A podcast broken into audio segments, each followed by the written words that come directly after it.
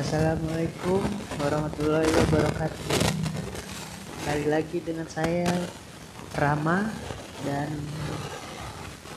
kali ini saya akan membahas sebuah materi yang cukup menarik buat saya pribadi dan mungkin untuk beberapa orang materi ini ya masih bisa diperdebatkan dan masih banyak sering terjadi di luar sana di perkotaan ataupun di perdesaan pasti ada saja orang yang mengalami hal seperti maksud saya hal yang akan saya bahas ini. Judul bahasan kita kali ini adalah haruskah aku dijodohkan oleh ayah dan ibu? Haruskah aku dijodohkan oleh ayah dan ibu. Nah mungkin dari kalimat ini kita bisa mendengar satu tujuan. Oh, maaf, bukan tujuan tapi satu penjelasan dari semua materi yang akan dari semua pembahasan yang akan saya bawakan. Kata perjodohan sendiri mungkin bagi beberapa orang itu masih sedikit sudah menjadi hal yang tabu ya mungkin atau bahkan untuk beberapa orang hal itu sudah seperti ya kuno sekali. Karena sekarang sudah nggak zaman gitu nggak zaman seorang anak dijodohkan oleh ayahnya dengan laki-laki atau pria yang belum pernah ia temui sama sekali atau mungkin sudah pernah bertemu tapi tidak kenal terlalu dekat seperti itu. Mungkin pembahasan ini beberapa ada yang sedikit ya mungkin bisa menyinggung perasaan pihak keluarga ataupun menyinggung adat istiadat sekitar ya. Tapi saya bis tapi saya tidak masalah dengan itu karena di sini saya hanya ingin menjelaskan inti dari permasalahan ini dan kenapa ini hal yang sangat penting dalam rumah tangga.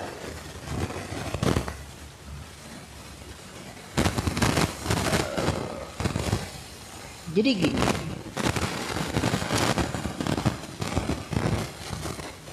uh, saya berani ambil resiko ini untuk memberitahu kepada orang tua yang anaknya tidak tahu harus berkata apa saat si anak untuk saat si anak menolak untuk dijodohkan dengan orang yang belum tentu baik untuk si anak. Dan mohon diingat dan dicatat baik-baik ya. Kata yang saya gunakan di sini adalah orang yang belum tentu baik menurut si anak, oke? Okay?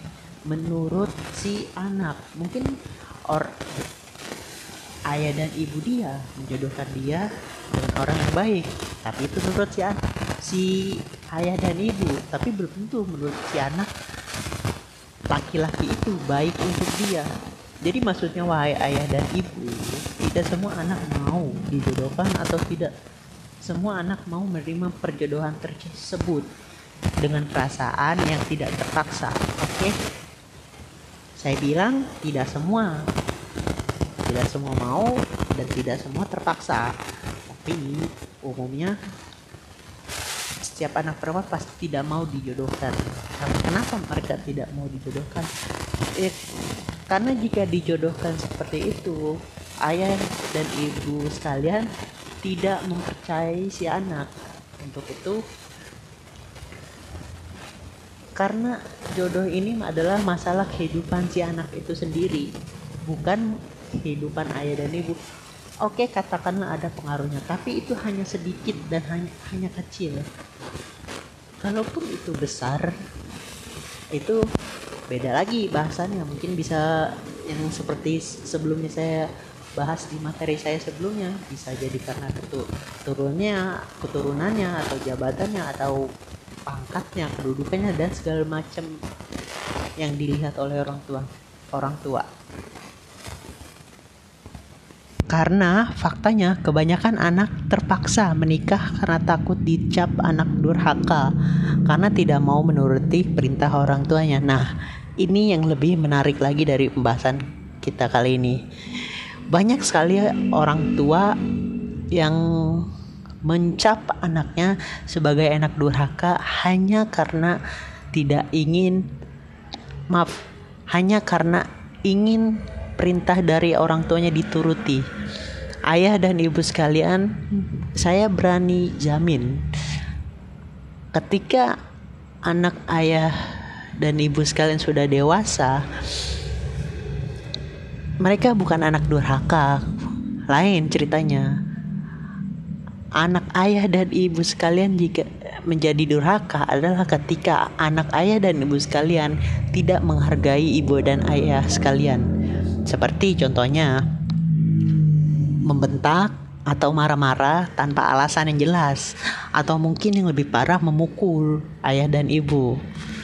Nah, baru itu bisa dicap anak yang durhaka. Tapi jika anak tersebut baik, rajin ibadah, eh, pokoknya anak itu baik dan tidak selalu tidak selalu dalam keadaan bermasalah. Tidak bisa langsung dicap anak durhaka ketika anak ayah dan ibu tidak mengikuti perintah perintah ayah dan ibu. Tidak bisa di seperti itu. Karena kalau semua kalau itu diberlakukan ya berarti semua anak di dunia ini sudah durhaka kepada orang tuanya. Kenapa saya bilang begitu? Ya karena anak ayah dan ibu itu sudah dewasa sudah waktunya ayah dan ibu sekalian merelakan ayah dan ibu Ma mohon maaf ya jika terlalu berisik karena di pinggir jalan. Eh, semoga saya semoga saja suara saya terdengar dengan jelas ya. Balik lagi ke pembahasan kita. Anak ayah dan ibu itu sudah dewasa jadi berikan kepercayaan anak ayah dan ibu itu kepercayaan. Kepercayaan apa? Kepercayaan dalam memilih pasangan hidup untuknya. Untuk dirinya sendiri bukan untuk ayah dan ibu sama seperti waktu ayah dan ibu muda saat muda ketika belum bertemu dan berusaha meyakin, meyakinkan orang tua istri bapak se orang tua istri bapak sebelum menikah. Seperti itu. Anggaplah sekarang keadaan itu tersebut dibalik. Tuh. Wahai pemuda-pemudi ketahui bahwa kalian tidak harus menerima perjodohan tersebut. Karena pada dasarnya jika sudah menyangkut pernikahan maka orang tua orang tua tidak boleh mencampuri urusan kal, urusan tersebut. Karena yang menikah adalah si anak. Yang itu tadi saya bilang orang tua jangan sampai mencampuri urusan pernikahan si anak kecuali jika pernikahan maksud saya di sini adalah per, mencampuri urusan pernikahan bukan pernikahan. Maksudnya inti dari pernikahan tersebut. Contoh seperti setiap hari ketika berantem di situ ada orang tua orang tuanya ikut campur belain si anak segala macam. Atau ketika anaknya buat salah di situ orang tua belain si anak walaupun padahal anaknya udah salah tapi orang tua tetap belain anak. Yang seperti itu yang seperti itu yang saya maksud. Jadi orang tua jangan terlalu mencampuri urusan pernikahan si anak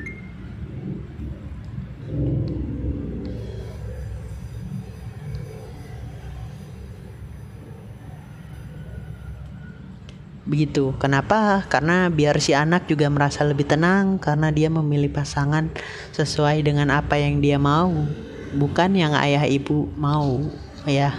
Jadi tolong para ayah dan ibu yang jika anaknya perempuannya sudah dewasa tolong berikan kepercayaan yang lebih. Percayakan sega, semua kehidupannya kepadanya. Baga lalu bagaimana supaya kita tahu kalau itu baik dan buruk? Simple itu sederhana jika memang anak kita baik maka dia pasti akan memilih pasangan yang lebih baik dari dia maksudnya dia akan memilih pasangan yang me yang menurut dia bisa menghandle segala kekurangan dia, yang bisa menerima segala kekurangan dia, yang bisa menerima semua keburukan dia. Dia pasti akan mencari pasangan yang seperti itu. Kenapa? Karena dia tahu apa yang dia inginkan untuk jadi pasangan hidupnya.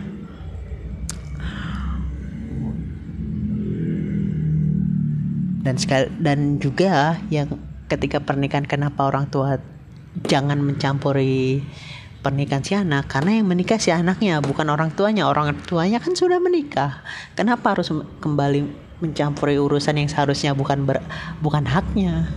Orang tua ayah dan ibu sudah menikah, jadi tidak usah mencampuri pernikahan anaknya. Biarkan anaknya menjalani pernikahan apa yang anaknya mau. Kalaupun memang suatu saat gagal, ya sudah mungkin memang sudah seharusnya seperti itu. Mungkin memang ada kesalahan dari anaknya atau mungkin dari ada kesalahan dari si suaminya. Tapi tetap saja ketika untuk menikah orang tua dilarang mencampuri urusan pernikahan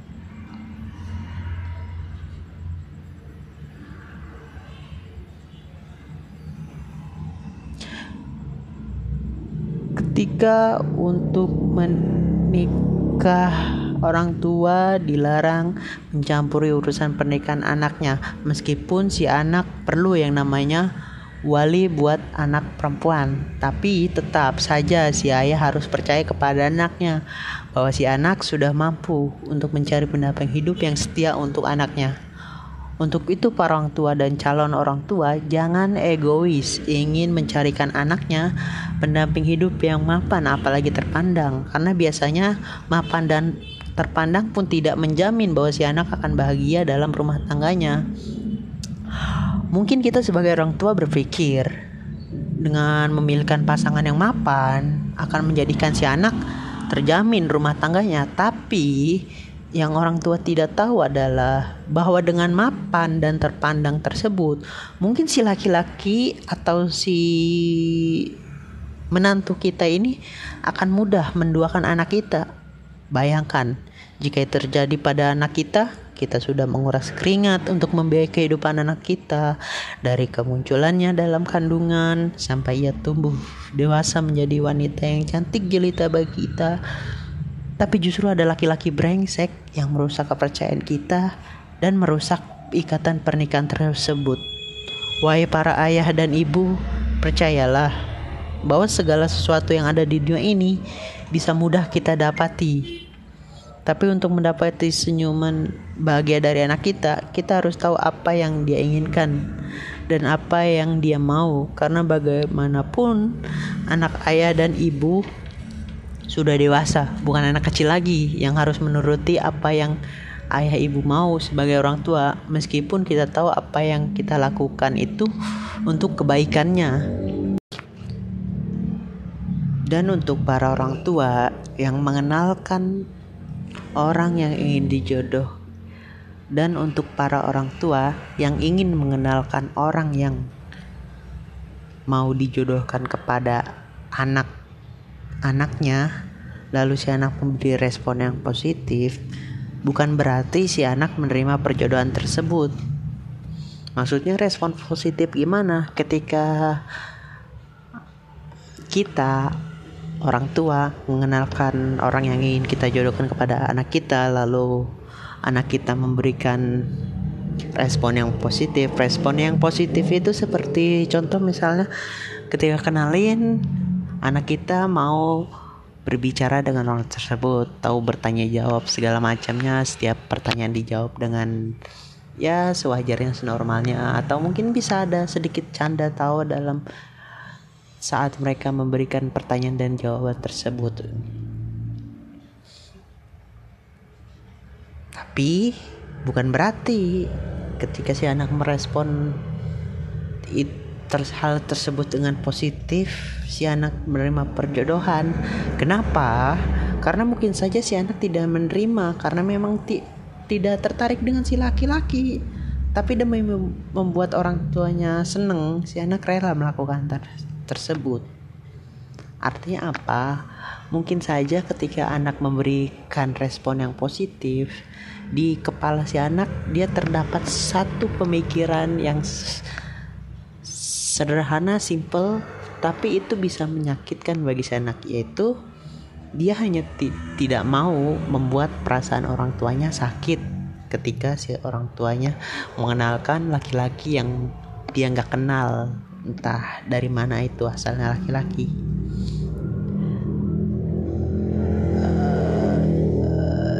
bisa bisa bisa bisakah kita bayangkan hal tersebut kita sudah banyak berkorban untuk anak tapi justru kita menambah beban anak kita padahal kita mau anak kita bahagia dalam kehidupannya untuk itu, wahai orang tua dan calon orang tua, dengarkanlah ini dengan seksama.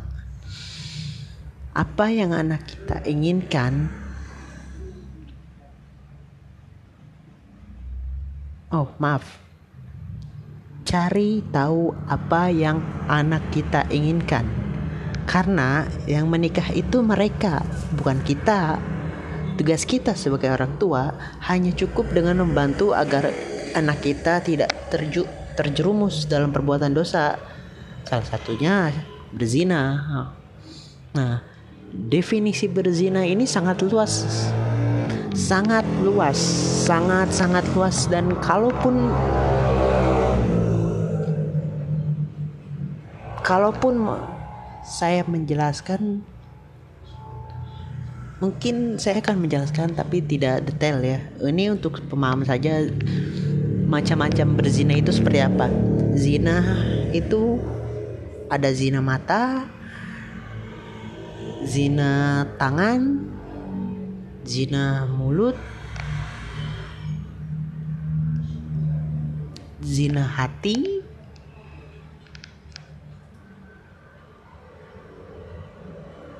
tangan mata tangan mata mulut, hati.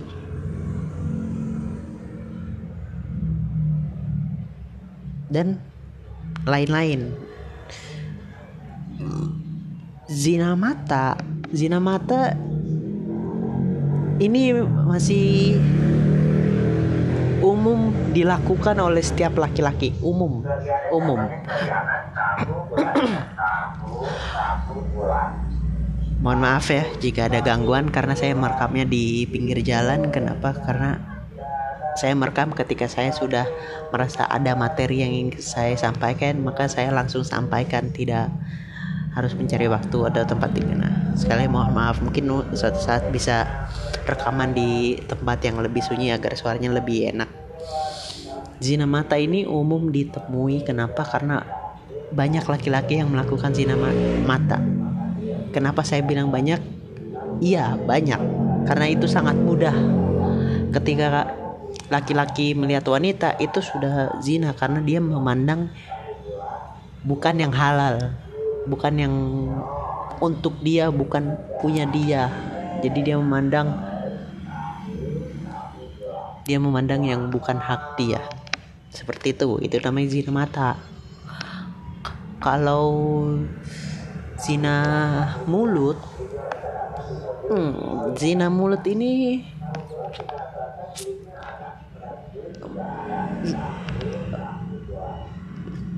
mungkin bisa dari perkataannya yang bisa menimbulkan syahwat antara satu sama lain. Mungkin ketika si laki-laki ngomong sebuah kata si perempuannya merasa terangsang. Ada loh yang seperti itu. Perempuan yang terangsang dengan perkataan laki-laki. Mungkin bisa dicari sendiri nanti karena saya juga bukan orang yang kompeten di dalam hal seperti ini ya saya hanya memberitahu apa yang saya tahu saja. Nah ada juga zina hati. Zina hati ini yang paling berat yang paling umum yang paling sering terjadi kepada laki-laki ataupun perempuan. Zina hati ini biasanya dia menginginkan sesuatu yang bukan haknya. Dia memikirkan sesuatu yang bukan halal untuk dia. Dia memikirkan sesuatu yang emang bukan punya dia tapi dia menaruh itu di dalam hatinya. Itu sudah zina karena dia memasukkan hatinya karena dia memasukkan sesuatu yang haram untuk dia ke dalam hatinya. Dan lain-lain ini ya dan lain-lain ini ya zina secara harfiah zina fisik zina bersentuhan secara langsung zina berhubungan berhubungan itu zina. Umumnya seperti itu saya saya saya di sini tidak ingin memberikan dalil apa pun tentang hal ini karena bagi saya cukup dengan akal sehat saja. Pasti apa yang saya katakan cepat atau lambat akan terjadi. Kenapa saya berani bicara seperti itu? Karena banyak. Karena banyak di luar sana yang menunjukkan bahwa tidak semua perjodohan itu berakhir baik. Bukan berarti saya bilang ini, saya bilang kalau dijodohin itu nggak baik. Bukan seperti itu juga, bukan karena masalah perjodohan itu menyangkut dua orang, apalagi itu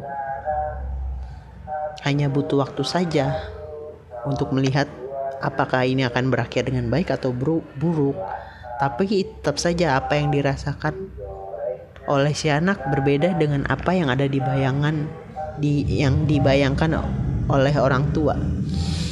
Katakanlah orang tua berpikiran jika anak dijodohkan maka si anak oh maaf, katakanlah orang tua berpikiran jika anaknya dijodohkan dengan orang yang cocok menurut orang tua orang tuanya, maka si anak akan bahagia.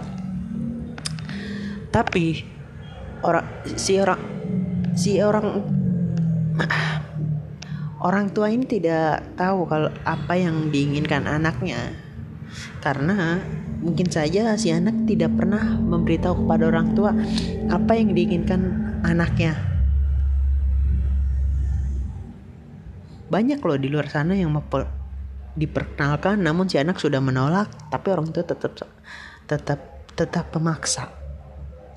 Ada juga yang dipaksa tapi akhirnya mau. Kenapa seperti itu?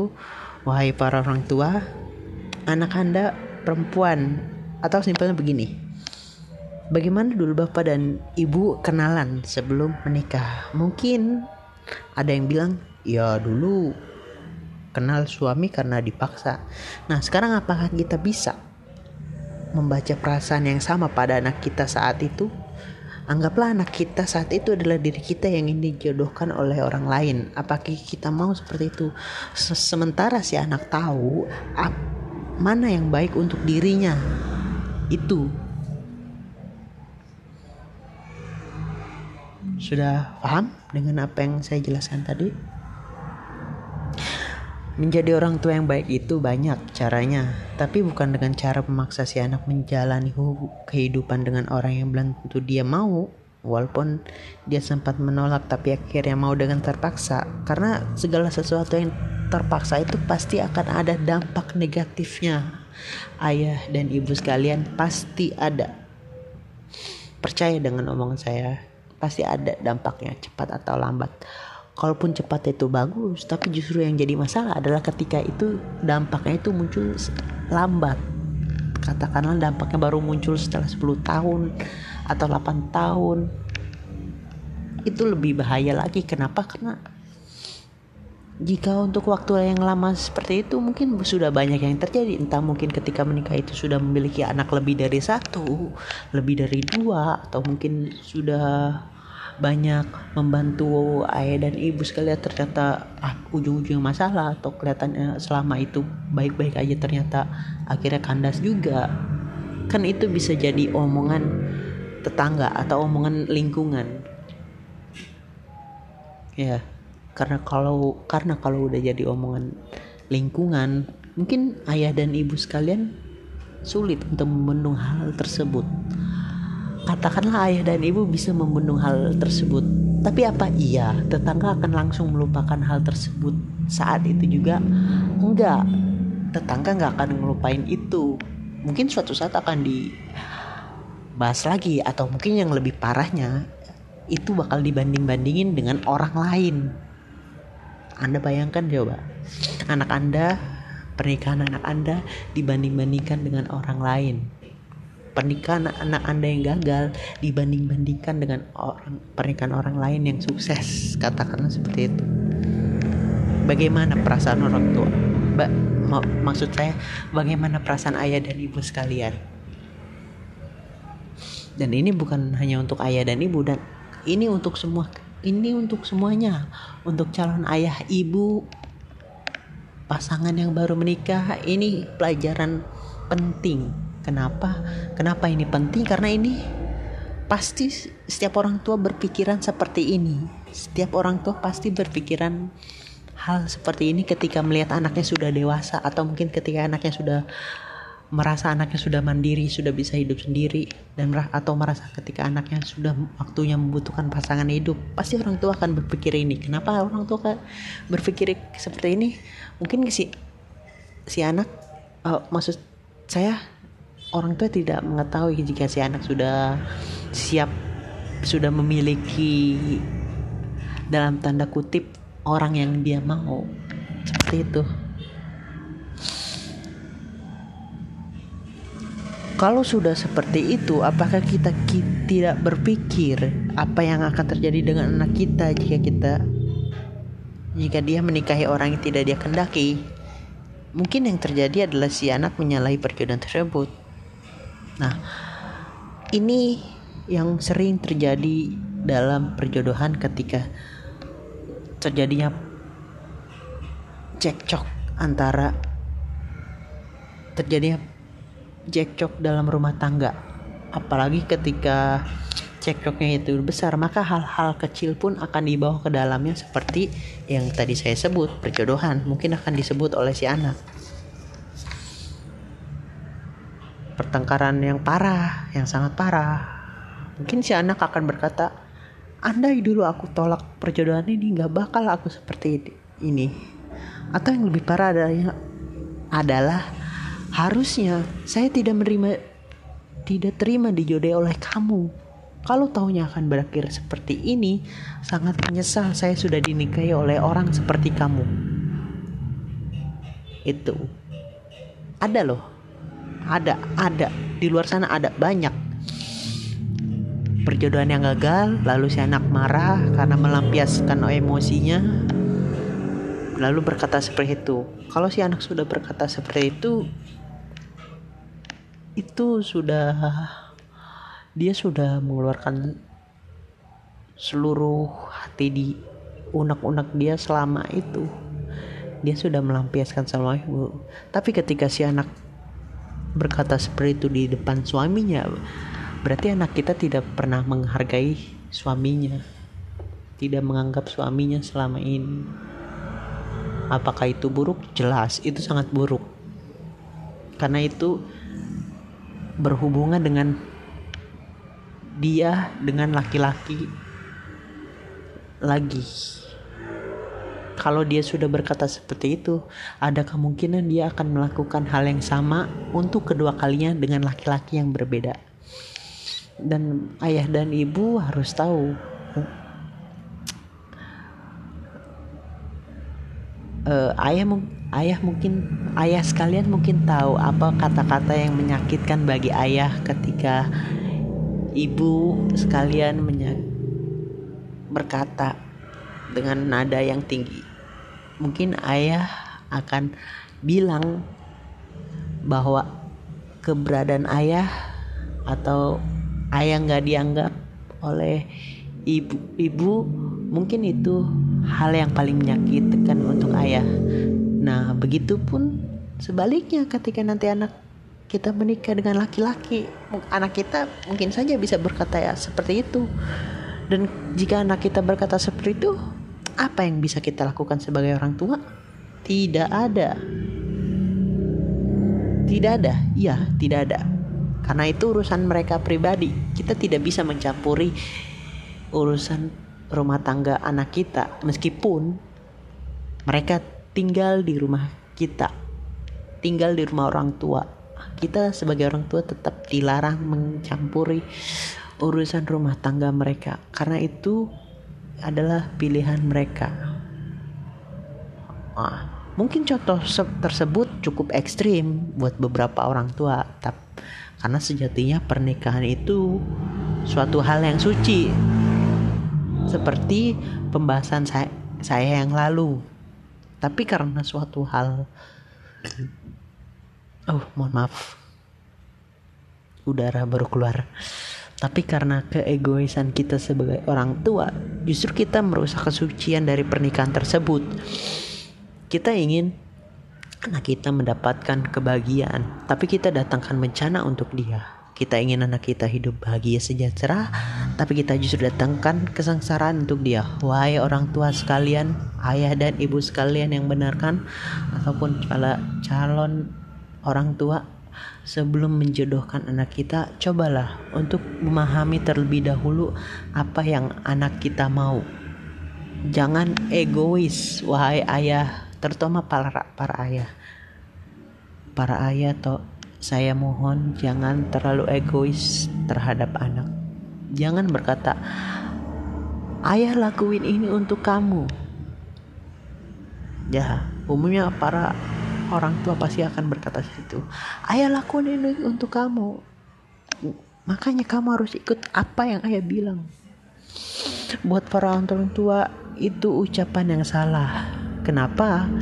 Karena kita tidak tahu apa yang anak kita inginkan dalam hatinya. Kenapa kita tidak tahu dalam hatinya? Ya karena karena kita terlalu egois. Karena kita terlalu menganggap diri kita ini adalah paling tinggi. Diri kita di atas mereka. Diri kita lebih tinggi. Mereka harus hormat kepada kita. Mereka harus mengikuti perkataan kita. Saya bilang salah. Kenapa saya bilang salah?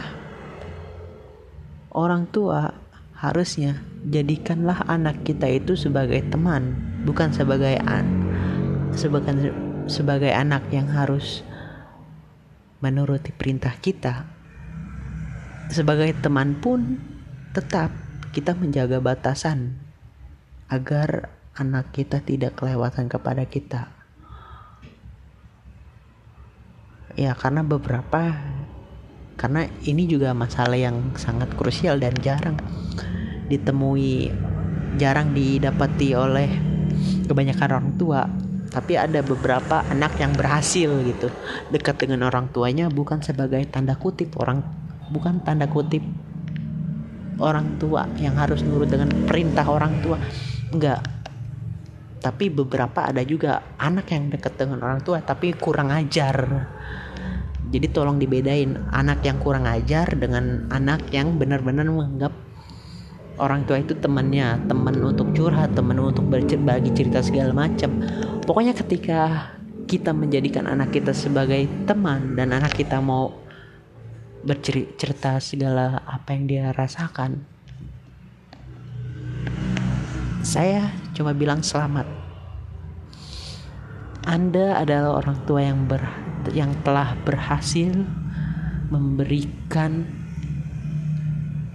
dukungan kepada anak Anda. Anda adalah orang tua yang sangat berhasil karena telah mem membuat anak Anda percaya kepada diri Anda. Jika anak kita sudah bercerita tentang apa yang dirasakan, apa yang dia lalui, atau mungkin dia bercerita tentang kesehariannya, Anda memang orang tua yang sangat-sangat peduli dengan anak Anda. Mungkin bagi ayah dan bunda sekalian yang memandang bahwa perjodohan itu baik, it's okay. Mungkin itu jadi pilihan terakhir untuk ayah dan bunda dalam memilih pasangan hidup untuk anaknya. Tapi mohon dicatat untuk ayah, bunda sekalian dan atau para jomblo-jomblo di luar sana, kenalilah terlebih dahulu isi dari isi dari calon pendamping kalian. Karena biasanya sifat asli dari calon pendamping kalian kalian itu biasanya sifat dari calon pendamping anak, ayah dan bunda sekalian atau calon pendamping jomblo-jomblo di sana akan terlihat ketika 3 sampai 5 tahun pernikahan. Dan itu dengan catatan jika menikahnya bukan karena pacaran. Oke? Okay? jadi tolong digaris bawahi sifat asli calon pendamping tidak akan terlihat kalau itu tidak bukan didapetin dengan pernikahan yang langsung kecuali jika itu langsung menikah dan belum tahu sifatnya seperti apa apa seperti apa maka sifatnya asli itu akan terkelihatan ketika 3 5 sampai 5 tahun pernikahan. Kenapa? Karena biasanya saat itulah mereka merasa bahwa tidak ada yang perlu disembunyikan lagi dalam hubungan. Jatuhnya itu sama seperti terbuka. Atau lebih gampangnya jujur tapi apakah kita tidak akan kaget ketika sebagai pasangan kita mengetahui hal ter tersebut ternyata berbeda dengan apa yang kita bayangkan selama ini? Begitu. Jadi kenali dulu pasangan kalian sebelum kalian menuju hal yang serius. Kalau kalian kenalnya bukan dengan cara pacaran, saya di sini bukan sebagai ustadz atau motivator ya karena saya sendiri pun belum memiliki pasangan dan masih berusaha untuk mendapatkan. Tapi ya tapi apa yang saya sampaikan ini hanya pandangan dari orang awam saja. Maka dari itu di awal saya selalu bilang gunakan akal sehat kita dalam mendengar sesuatu. Karena Allah menciptakan akal sehat untuk berpikir dan bisa mengambil keputusan atas apa yang kita pikirkan. Mungkin segitu saja pembahasan kita kali ini. Terima kasih sudah mau mendengarkan. Semoga kita, saya bisa memberikan materi yang lebih baik lagi dengan suasana yang lebih baik lagi tidak berisik seperti sekarang ya doakan saja semoga lebih baik lagi dalam memberi materi agar kita bisa terus belajar apa yang harus kita lakukan sebagai orang tua atau kita belajar bagaimana cara menjadi pendamping hidup yang baik. Akhir kata, selamat malam. Oh, ya kebetulan saya merekamnya malam, jadi saya akan bilang selamat malam, selamat beristirahat, dan semoga apa yang kita rasakan saat ini segera berlalu. Tepat selesai semua kembali normal. Akhir kata assalamualaikum warahmatullahi wabarakatuh